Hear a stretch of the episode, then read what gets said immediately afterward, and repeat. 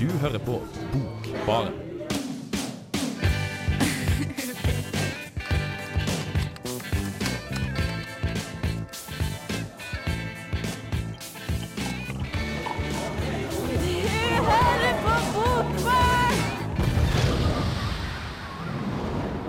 Hei og velkommen til Bokbarn denne tirsdagskvelden. Eh, I dag så har vi siste sending dette semesteret, og det skal vi feire ved å gi deg litt tips og triks til eksamensmestring.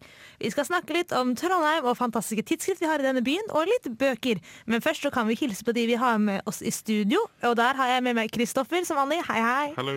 Hei, Og så har vi også med oss en spesiell gjest i dag, og det er Siri Aurland, Au, Aurland Bredesen, som er redaktør for tidsskriftet RIS. Hei, Siri.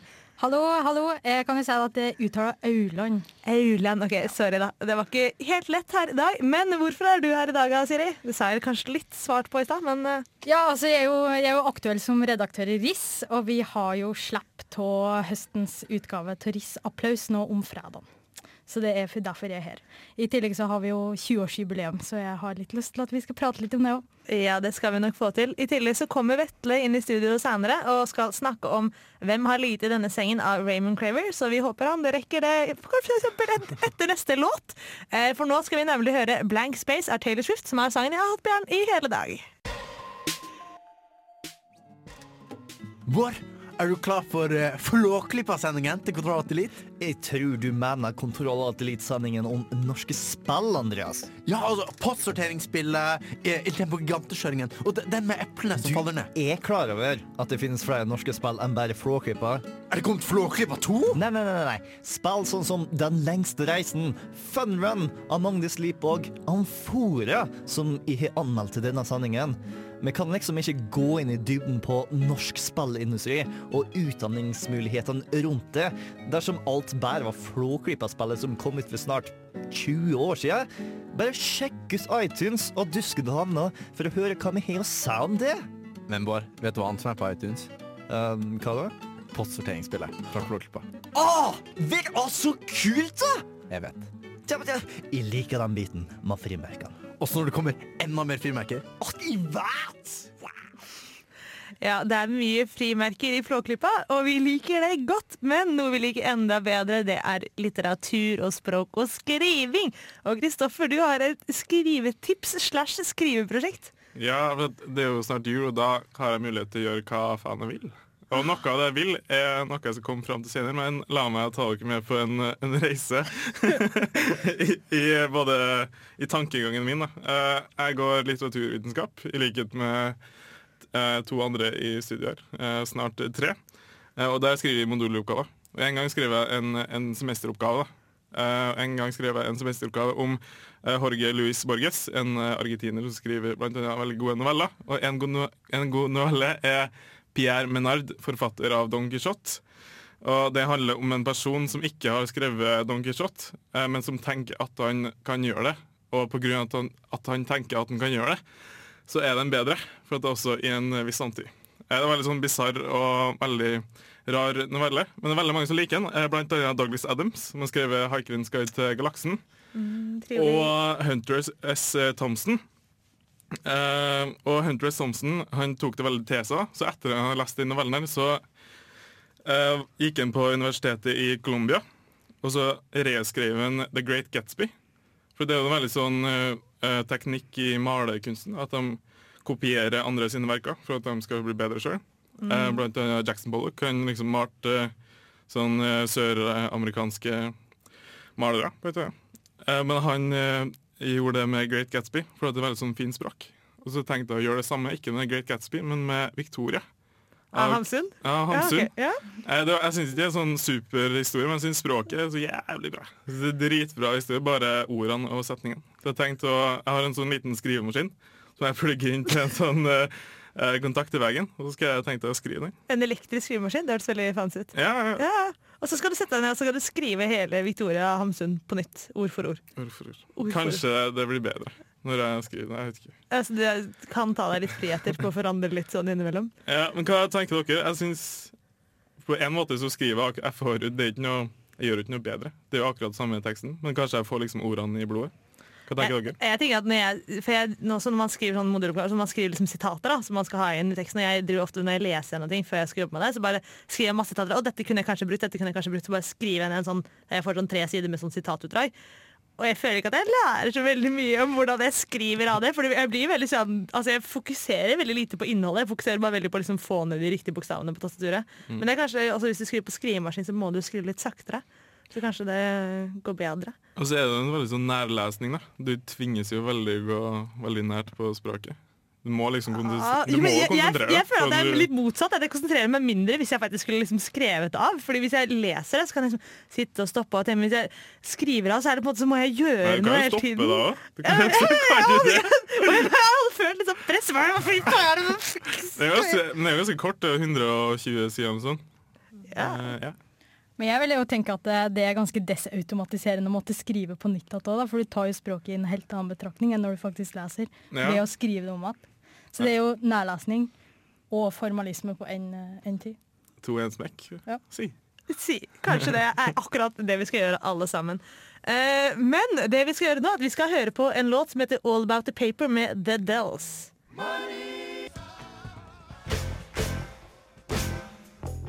Jepp, dette er Frode Grøtten. Eh, Lytt på Bokbaren på Radio Revolt. Ta deg en eh, god drink. Ja, ta deg en god drink og lytt på oss etter at du har danset litt til eh, forrige sang. Låt, mener jeg. Eh, men vi har også tatt oss ikke en, god drink, men vært på et koselig evenement nå forrige fredag, for da var det slipp av Beijing Trondheim. Og hva er det, Kristoffer? Eh, Det er et eh, litteraturmagasin i Trondheim som er ganske nytt. De har bare to eh, utgivelser. Det ene er litt mindre enn det andre. Veldig, veldig beskrivende. Det er veldig vanskelig. De har ikke noe navn på forskjellig, men de har en kunstner til hvert nummer. nummer. Hvem er det som driver med dette tidsskriftet? Det er et gammelt bokvern mm. som heter Mathias Reinholt Samuelsen. Vi skal R-en stå for, da. Og og så Rune F hjemme hos. Jeg vet ikke hva F-en står for. Runefar. Runefar. Altså, jeg tror ikke det er det, men vi kan, si det. Runefar. Han er i hvert fall en eh, dikter som eh, han er trondhjemsetablert. Jeg tror han kommer fra Heimdal. Ja, det er bra med litt sånn ordentlige trøndere. Og det som er morsomt med dette tidsskiftet, er at her er også, i tillegg til at det blir drevet av et tidligere bokbarn, så er det også flere tidligere bokbarn som har skrevet i det. Eh, både Maren og Eline, som var med liksom, senest for et semester siden, er publisert i Beijing-tran. Det syns jeg er litt kult. da. Vi kan bli noe her i verden, selv om vi ikke nødvendigvis setter oss ned og leser eller skriver Victoria av Hamsun bokstav etter bokstav. Jeg tror ikke de har gjort det, men de har klart å komme på trykk likevel. Ja, og så Mathias eh, Martin eh, Ingebrigtsen. Ja. Det det? Ja. Det er Han har også skrevet i det første utgivelsen deres. Eh, Men de kjenner jo veldig mye folk, da. Det er jo folk som er veldig nært oss. Grunnen til at de, jeg de headhunter folk. De har en sånn eh, viss idé om eh, hvordan den, det magasinet, eller den utgivelsen skal være. da. Og så bare Det der liker jeg, det der vil jeg ha i, i den greia mi. I den boka. Mm, Er det noe spesielt liksom, har- hvis når du har bladd gjennom, er det noe spesielt som har liksom poppet opp som du synes var De er jo veldig fritt, og de gjør jo hva faen de vil. Eh, så de har tre dikt av Barack eh, Obama. Ja. Eh, det er tre dikt han skrev når han var 20 år og sendte den inn til et sånt magasin. Og så har Mathias eh, Samuelsen eh, eh, gjort om til norsk. Det var Ja. skikkelig kult.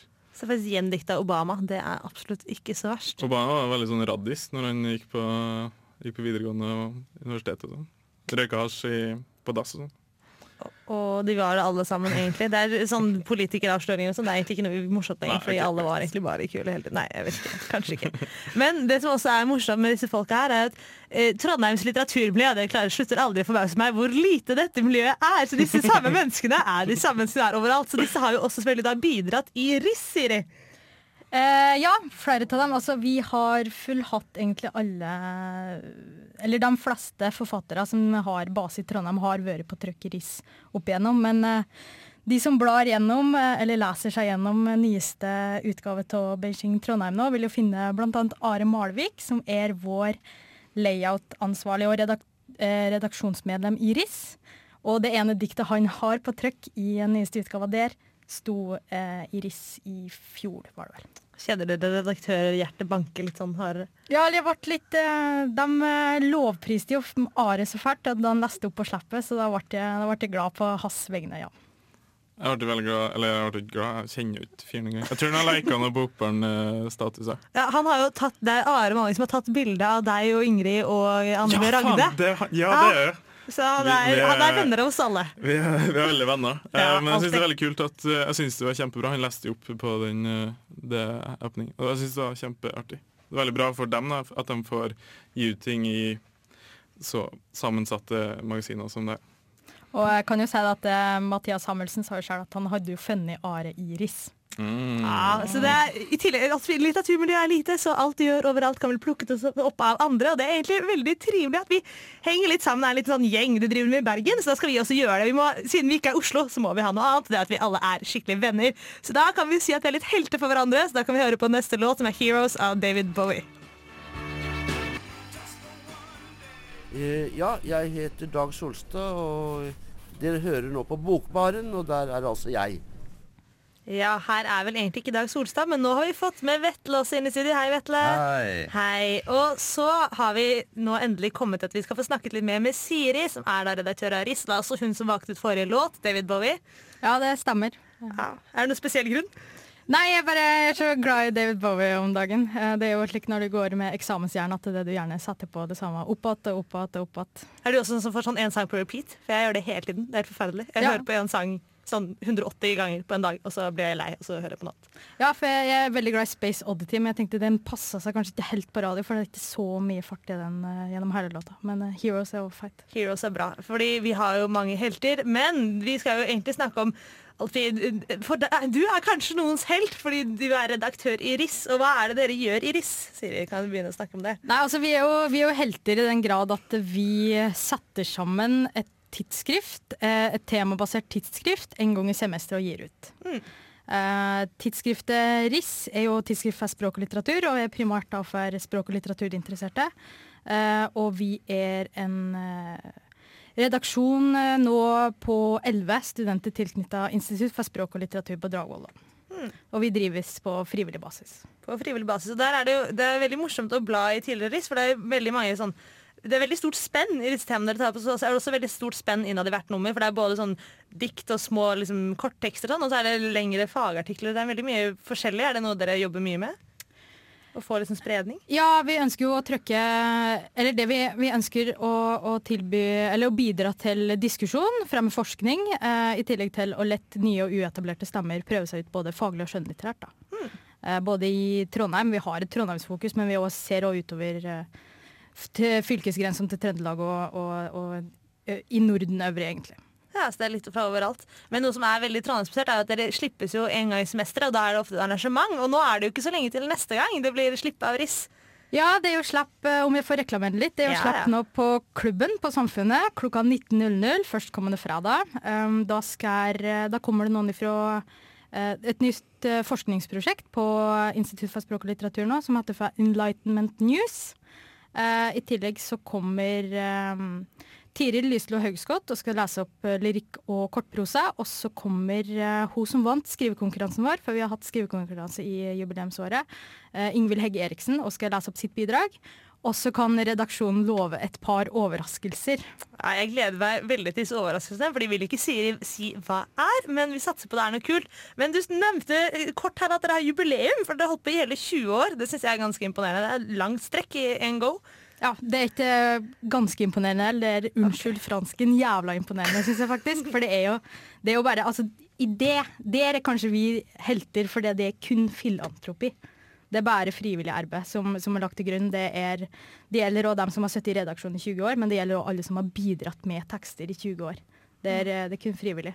Eh, men ja, vi har jo feiret 20 år det, det året her, og har hatt litt mer æra.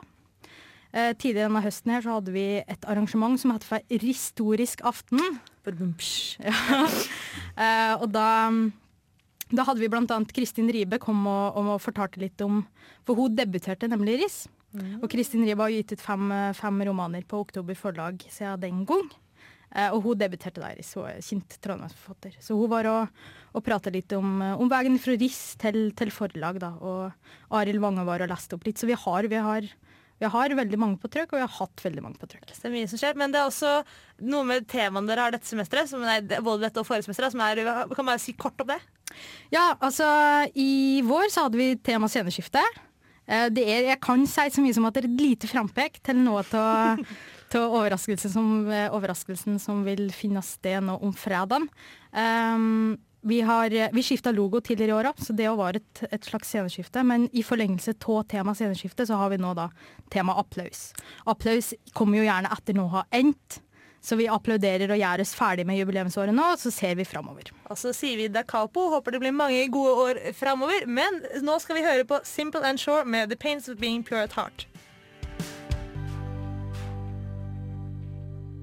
Bokbarn. Bokbarn. Bokbarn. Bokbarn. Bokbarn.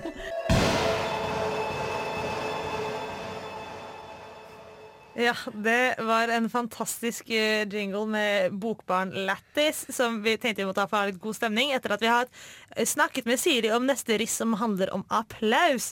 Men nå Vetle, har vi endelig kommet til deg som snek deg inn i studio litt halvveis, for du skal nemlig snakke om Hvem har ligget i denne sengen av Raymond Carver. Yes. Yes, hva, hva slags bok eller er dette her? Det er jo Gyldendal som har en serie som eh, heter de, eh, Hva heter den? Ja? Små grå Ja, De små grå.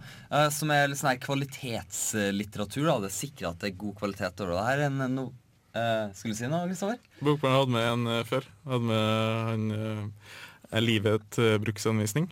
En eh, fransk eh, forfatter. Ja, greit. Ja, det, det kan godt hende. Vi har hatt med flere av de små grå før på hadde vært veldig stolt av oss. Men Ja. uh, dette her er da en novellesamling, var det ikke sant? Ja, det her er en novellesamling, og er veldig enig med at det her er god litteratur. Herregud, Raymond Carver er nå blitt en av mine uh, gode venner. Um, og det han, han, han skriver vel fra sånn her 1950-ish.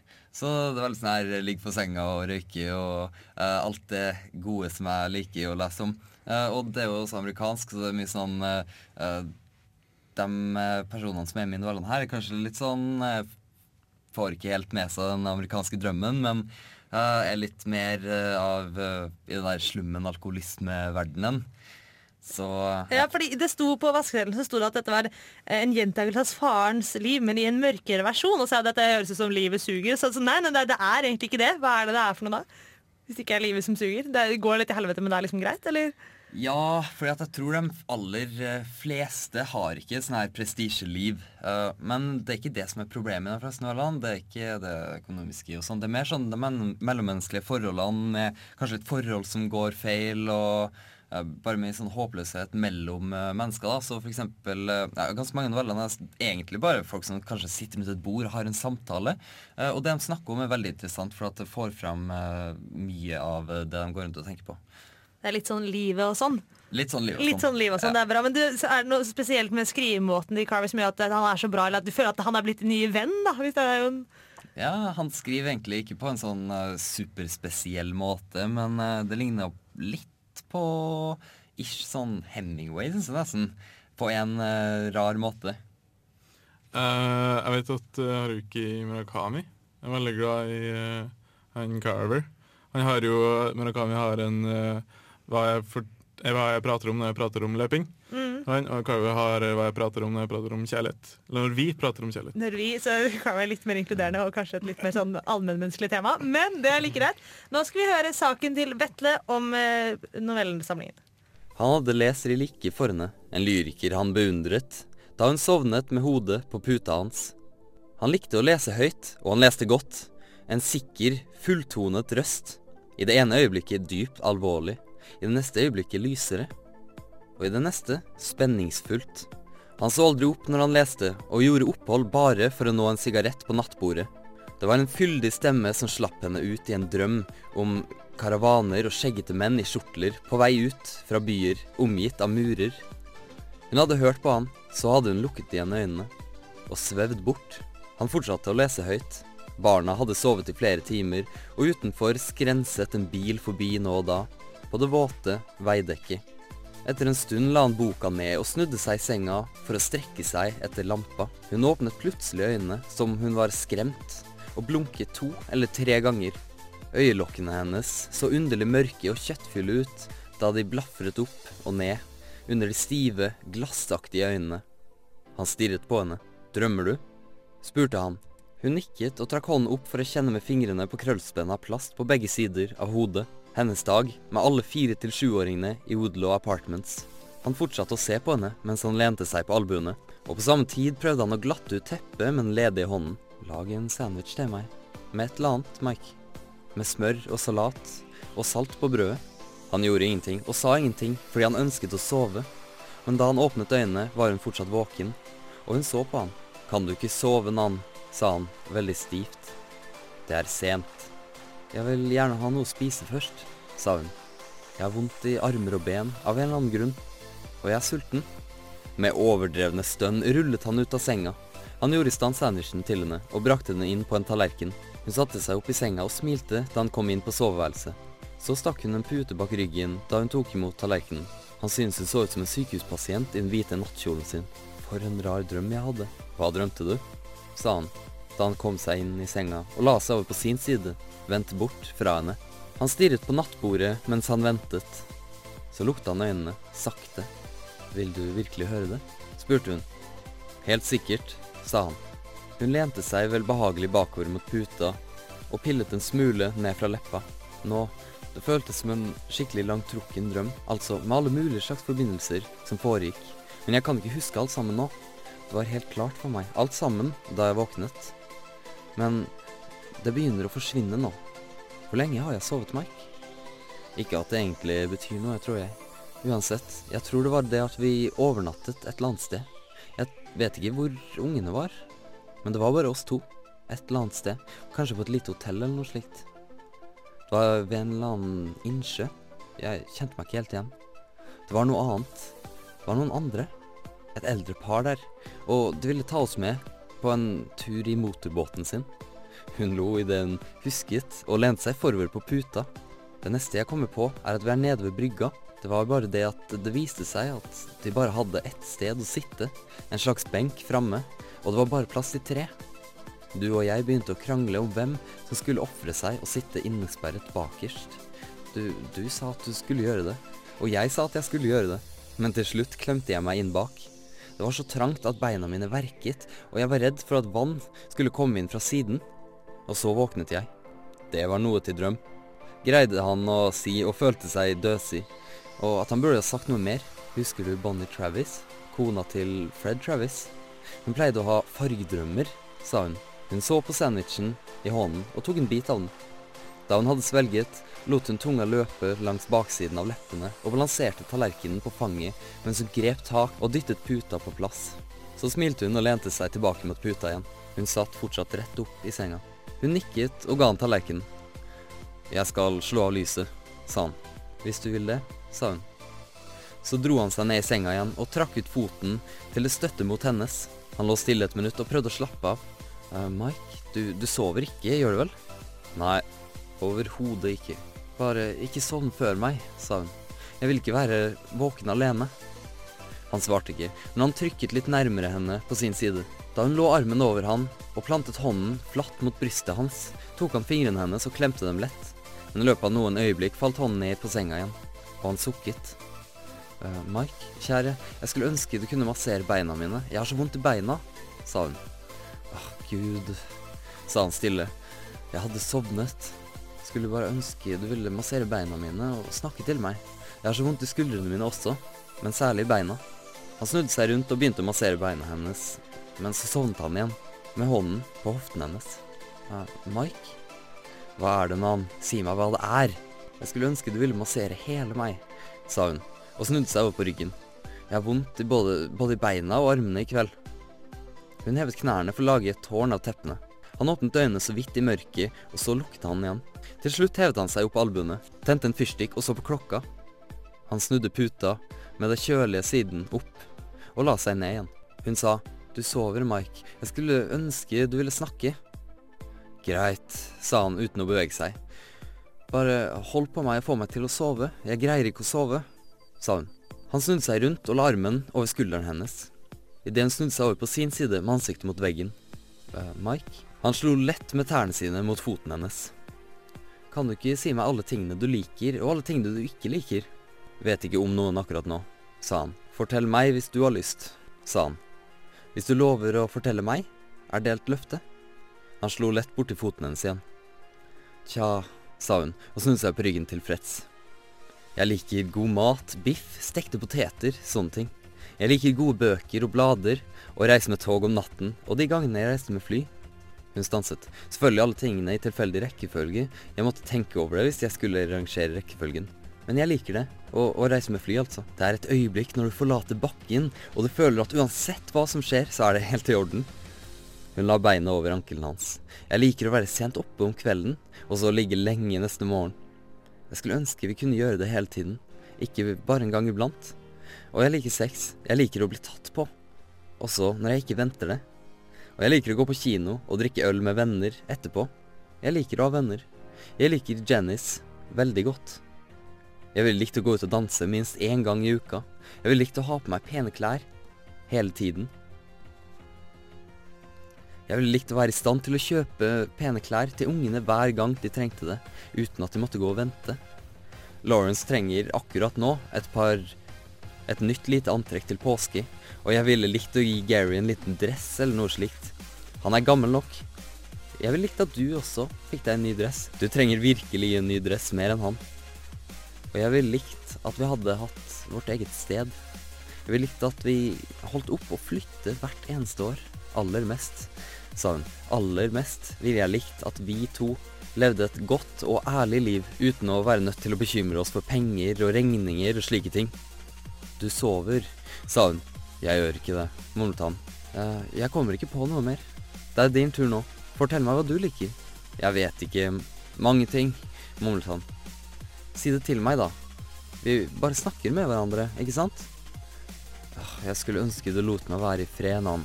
Han snudde seg over til sin side av senga igjen og lot armene hvile utenfor kanten.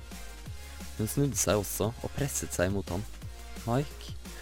Herregud, sa han. Så øh, Greit, la meg få strekke ut beina et minutt, så våkner jeg. Etter en stund sa hun. «Øh, Mike, sover du? Hun ristet skulderen hans voldsomt, men det var ingen reaksjon. Hun lå der en stund, sammenkrøplet inntil kroppen hans, og hun prøvde å sove.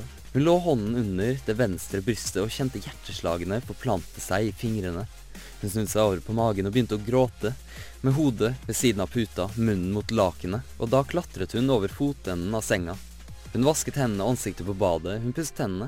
Hun pusset tennene og studerte ansiktet sitt i speilet. I stua skrudde hun opp varmen, så satte hun seg ned ved kjøkkenbordet og trakk føttene opp under nattkjolen. Hun gråt igjen. Hun tente sigarett fra pakken på bordet. Etter en stund gikk hun tilbake til soveværelset og hentet morgenkoppen. Hun kikket inn til barna. Hun dro teppet over skuldrene til sønnen. Hun gikk tilbake i stua og satt i lenestolen. Hun bladde gjennom et blad og forsøkte å lese. Nå stirret hun på fotografiene, og så prøvde hun å lese igjen. Det var en stabel av blader i stativet ved lenstolen. Hun bladde gjennom alle sammen. Da det begynte å lysne utenfor, reiste hun seg. Hun gikk til vinduet. Den skyfrie himmelen over åsen hadde begynt å lyse hvitt. Trærne og rekken av toetasjes hus på den andre siden av veien begynte å ta form mens hun så på. Himmelen ble hvitere, mens lyset spredte seg hurtig fra baksiden av åsene. Men nå fikk hun sett soloppgangens liv. Men det var få ganger hun hadde sett soloppgangens liv. Ikke på noen bilder hun hadde sett, eller i noen bok hadde hun sett en soloppgang som var så grusom som denne. Hun ventet og beveget seg bort fra døra og vred om låsen, og satte foten ut på verandaen. Hun dro igjen morgenkoppen i halsen. Lukta var fuktig og kald. Gradvis ble tingene tydeligere. Hun lot øynene se alt til det festet seg på det røde, blinkende lyset på toppen av radiotårnet. Hun gikk gjennom den mørke leiligheten tilbake til soveværelset.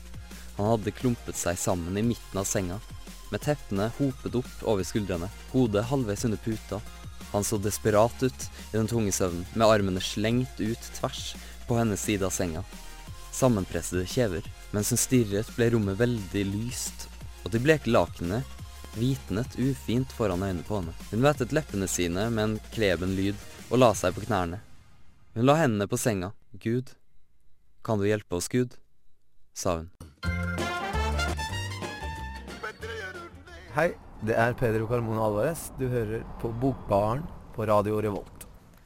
Yes, Du hører altså da på Bokbarn, som Pedro sier, på Radio Revolt. Og vi har hørt på Vette sin anmeldelse av eh, en novellesamling. Uh, hva var det som var ekstra bra med denne novellesamlingen som jeg ikke Ja, husker hva heter? vet du? en uh, Novelle. En enkeltnovelle. Ja, det var en Ja. enkel novelle som uh, det det er lest høyt for dere. Jeg håper dere likte det. Mm. Det jeg likte spesielt godt med ikke bare den, men hele novellesamlinga, at selv om han skriver om ganske sånn hverdagslige ting, og det skjer ikke så mye, så er det likevel så masse i det. Um, og det andre jeg likte veldig godt, var språket. For at hele har en veld, alle novellene har en veldig sånn her rød tråd, for at hver setning bygger veldig på hverandre. I stedet for at det er litt sånn det skjedde, og så skjedde det. Så uh, ja, har han bare en sånn magisk måte å skrive på, sånn at uh, du har sittet i en time uten at uh, du har sett på klokka, og så plutselig så har du mista bussen. Rett og slett. Ja, eh, ja, for jeg tenkte på en ting, for du sa det var amerikansk, skrevet i 50-tallet. Ja. Eh, og da kom jeg til å tenke på en annen amerikansk roman som har eh, prega denne bokhøsten helt litt. Eh, og litt for å trekke videre på det Hanna sa om, eh, om det her livet som tydeligvis ikke nødvendigvis suger. Og da kom jeg til å tenke på, på Stoner. For det er en roman om et middelmådig liv. Eh, er, det- er det middelmådig liv i denne novellesamlinga? Er det noen likheter, liksom? Milla Stoner og denne novellesamlinga? Ja, på mange måter så er det det. Uh, Stoner er skrevet på en litt sånn spesiell måte, fordi at du må tenke deg veldig til uh, det som skjer inni menneskene, fikk jeg følelse av i hvert fall. Mens i denne novellesamlinga så ble det veldig godt forklart akkurat hva alle føler og tenker. Uh, mens Stoner er mer sånn det her skjedde, det her skjedde, det her skjedde. Mens uh, Carver er mer sånn personen her tenkte her og følte det her. Men Ja, for da lurer jeg på, er det, er det fortsatt rom for fortolkning? Uh, ja, det er det jo med all litteratur. Jeg syns nesten det er mer rom for eh, fortolkning eh, eh, når det ikke skjer så mye, og det er folk som bare prater og prater. og prater. Det er akkurat det der. Men nå skal vi ikke prate mer, for nå skal vi høre litt mer musikk. Nå har vi kommet over i julestemning i Bokbaren. Vi har senka lysene, vi har spist klementiner. I stad hørte vi 'Vi må finne skjegget av Putti Pluttipott', og nå er det 'Driving Home for Christmas' med Chris Rea.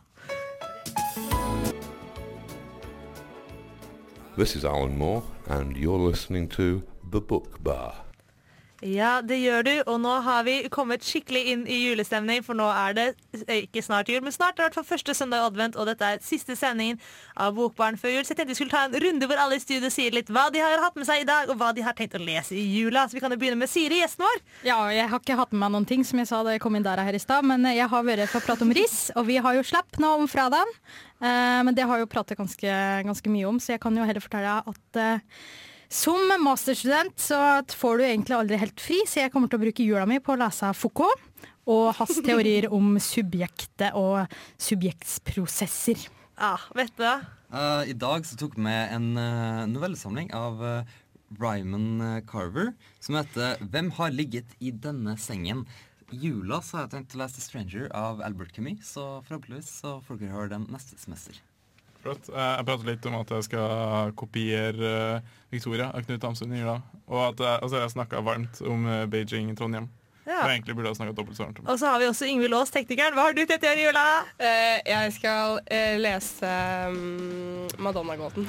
Madonna-gåten. Og i dag har jeg hatt med meg mine tekniske.